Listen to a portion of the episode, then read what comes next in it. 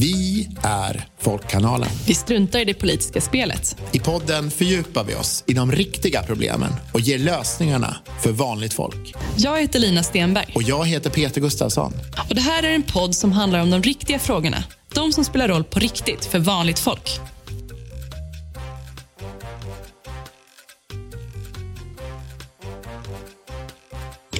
Hej och välkommen tillbaka till ett nytt avsnitt av Folkkanalen.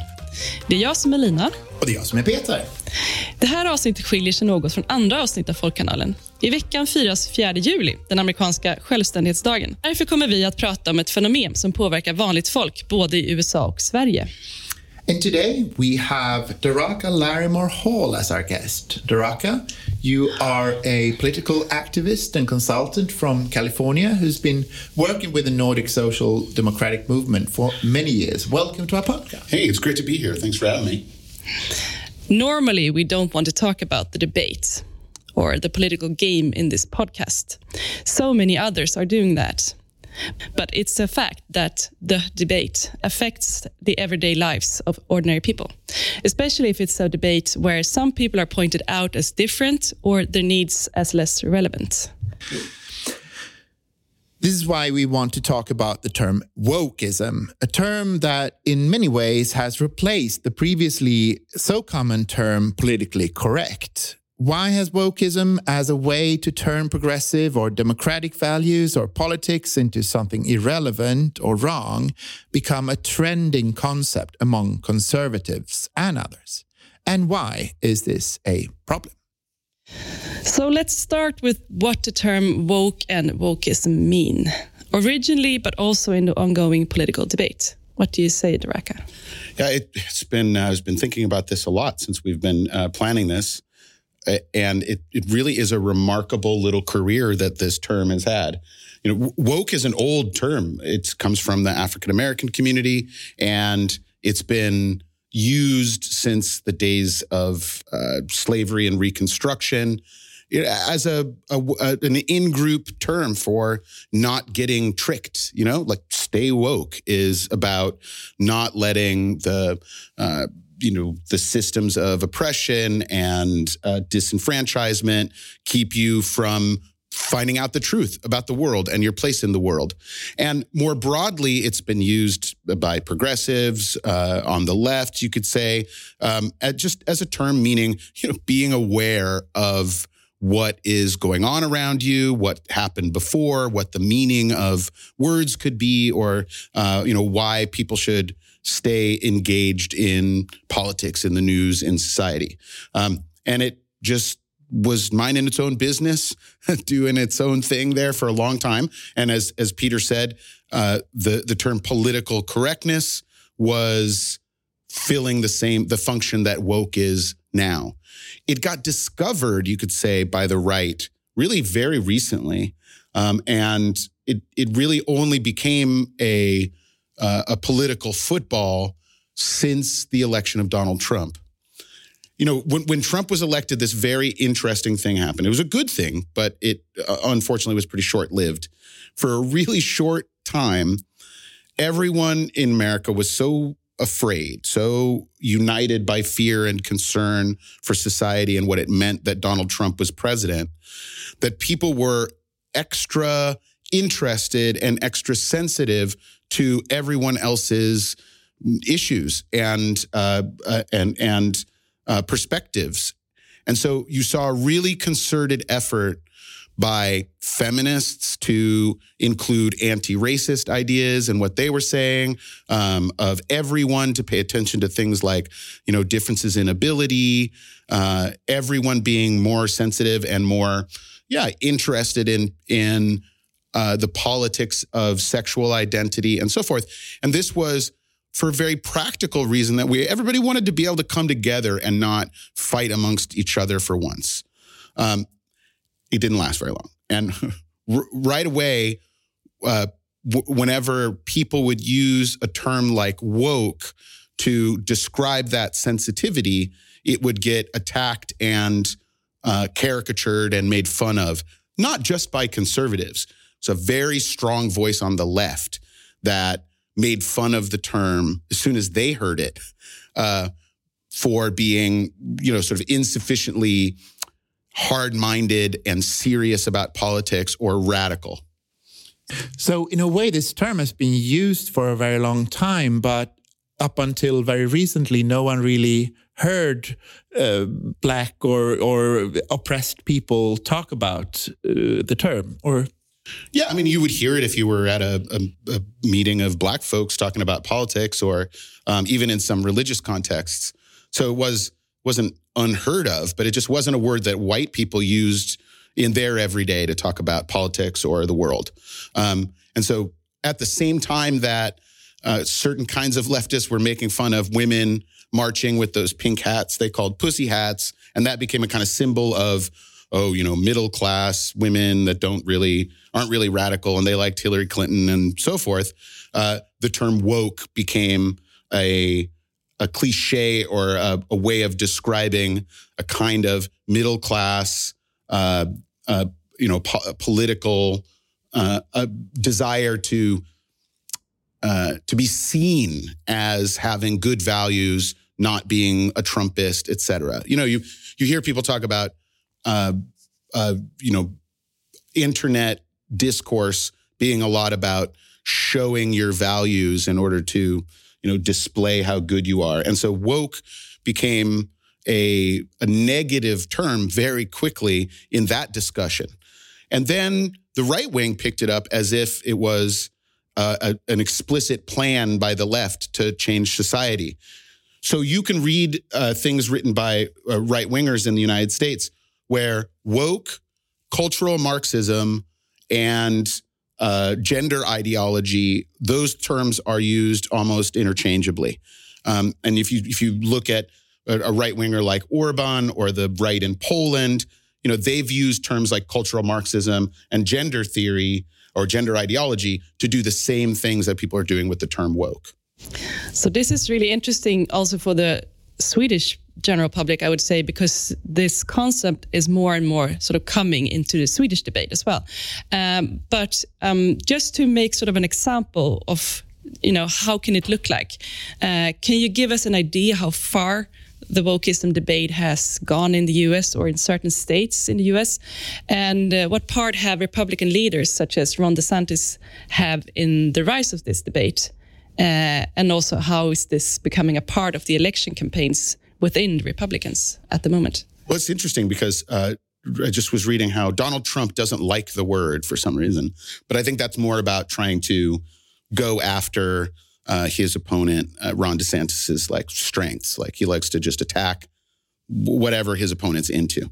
Because it, it was Trump people that I first started hearing woke used as an insult from, and he certainly uh, has used it that way in the past. But for DeSantis, this has been uh, a the the the most important concept for to justify or pull together a whole raft of really radical policies. Look, so if wokeism is anything where the state or society, you know, pays attention to and cares about uh, diversity and uh, people's identity and uh, pays attention to history. That's really anything that conservatives don't like, they can attach the word woke to. So that means uh, in in Florida, where it's you could say is one of the places it's the most advanced, it means pulling a lot of books out of schools. In fact, and passing a law that allows parents to object to any teaching material or anything in schools without any real justification. It means now keeping lists and putting pressure on universities to fire or demote uh, professors that are deemed as being like too into wokeism. But is whatever. it is it uh, isn't it like books on uh, anything concerning homosexuality and things oh, like homosexuality, feminism, teen sex, uh, but also a, history when it when it comes to you know racism in the United States. This is another huge obsession of theirs, right? Another term that hasn't quite made it to Sweden that they use is the is calling everything critical race theory. So any book at any level that's like, hey, there was slavery and it was bad and it had to be abolished and it has consequences if, in, and this is how a lot of these laws are written, if a white student could read it and it could make them feel bad about being white, then it should be taken out of the curriculum. So it's it's not just the the gender and sexuality stuff, though that's I think the the the kinds of things that are the most likely to come to Sweden or the fastest. Um, but it's really like anything that is challenging to a conservative worldview of America, of the United States as a Christian, uh, conservative, white homeland, so to speak. Uh, it it allows you to critique it, go after it, and and push it push it out of you know schools and and popular culture. So, uh, you know, other things that that they're doing under the name of of wokeism is there's insane war that they're having with Walt with the with Disney with the Disney company, and that's because they've passed a, a number of laws in Florida discriminating against trans people, um, making it illegal to provide uh, gender confirming health care for minors. And they've scared everyone into thinking that, you know, five year olds are having surgery on their private parts or something crazy like that when all of this the healthcare that we're talking about is things like puberty blockers and hormone therapy that's all very well supported in the science and by all experts who do childcare and, and children's healthcare um, when they passed they started to pass those laws the disney company stopped giving the republican party money that just out of protest they're like hey we have trans uh, you know, customers and workers and so forth. We don't like this, so we're not going to make political contributions to your party anymore. That's it. Uh, and in result, they've been the the the state of Florida under DeSantis have, has been trying to take away tax breaks and um, various kinds of corporate governance freebies that Disney has had for years and years.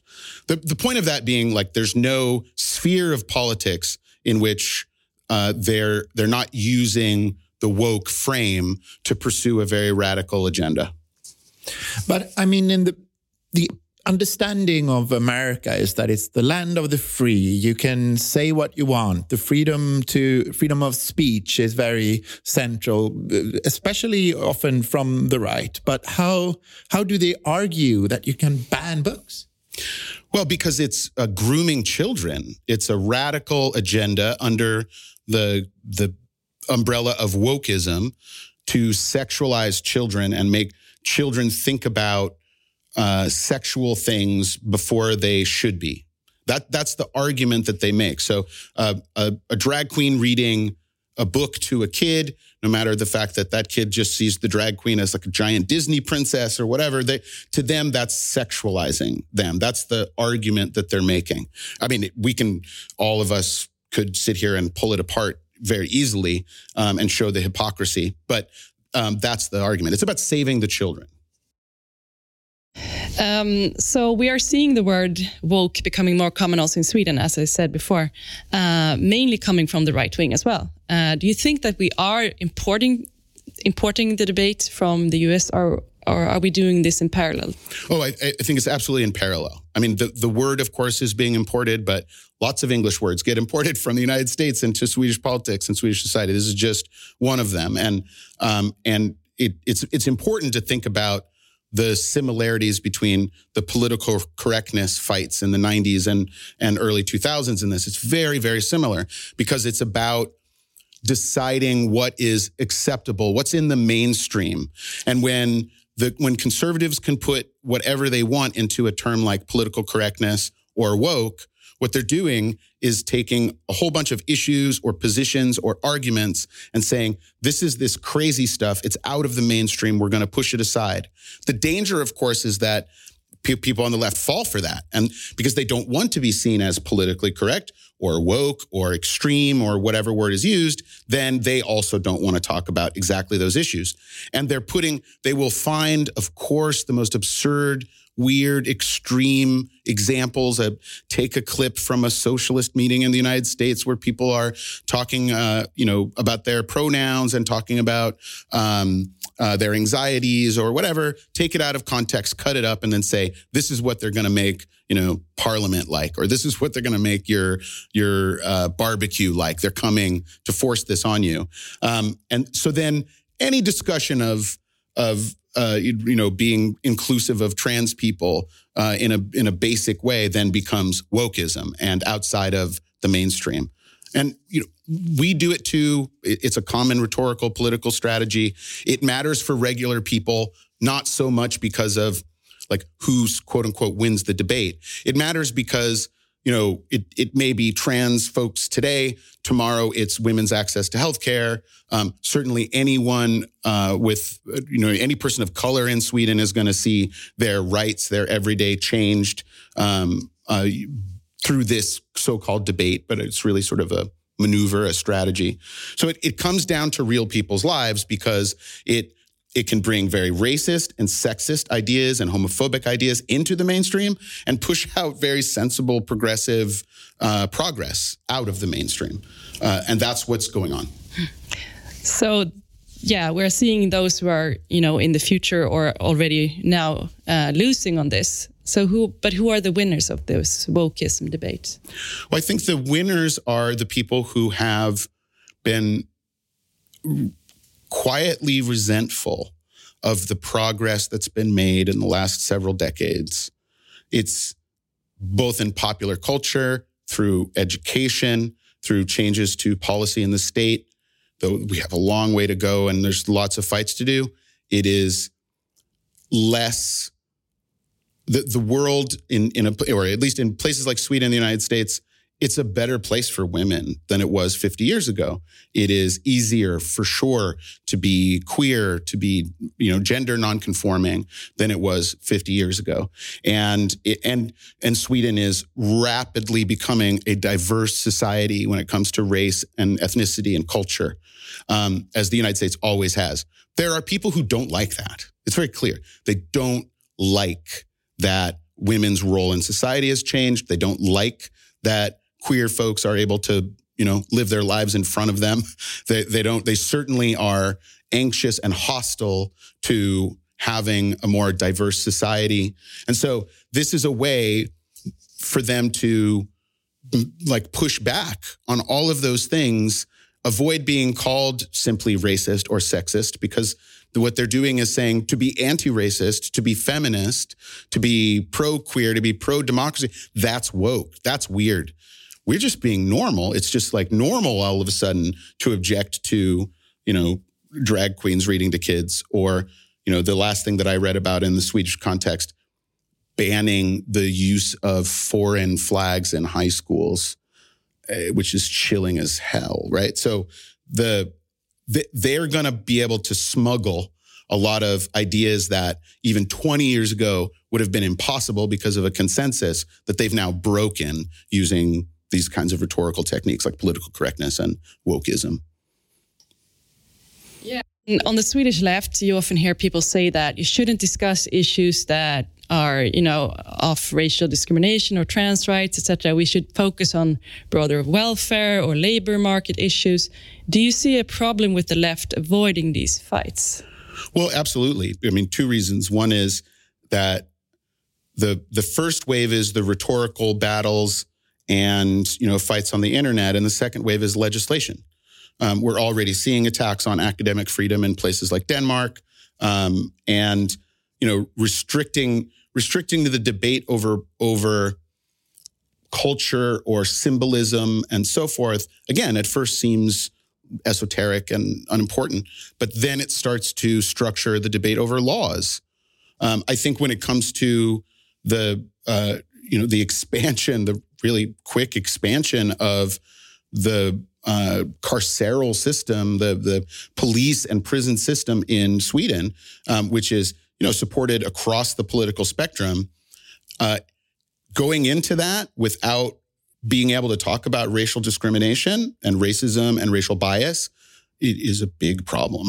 It's a big problem, and you're going to see the results of it in who's being sent to prison, what the conditions are, et cetera. So um, you can't leave it out of it. The second thing is that some issues are cultural, and the culture has an impact on people's material lives. If you are a visible minority of any kind, whether because of your gender expression or who you are seen holding hands with, um, or because of the color of your skin, et cetera, in a hostile culture where people are able to criticize your very existence on television in the media, you're going to be attacked. You're going to be attacked violently. You're going to be attacked in terms of just your treatment by other people, by people at stores, etc.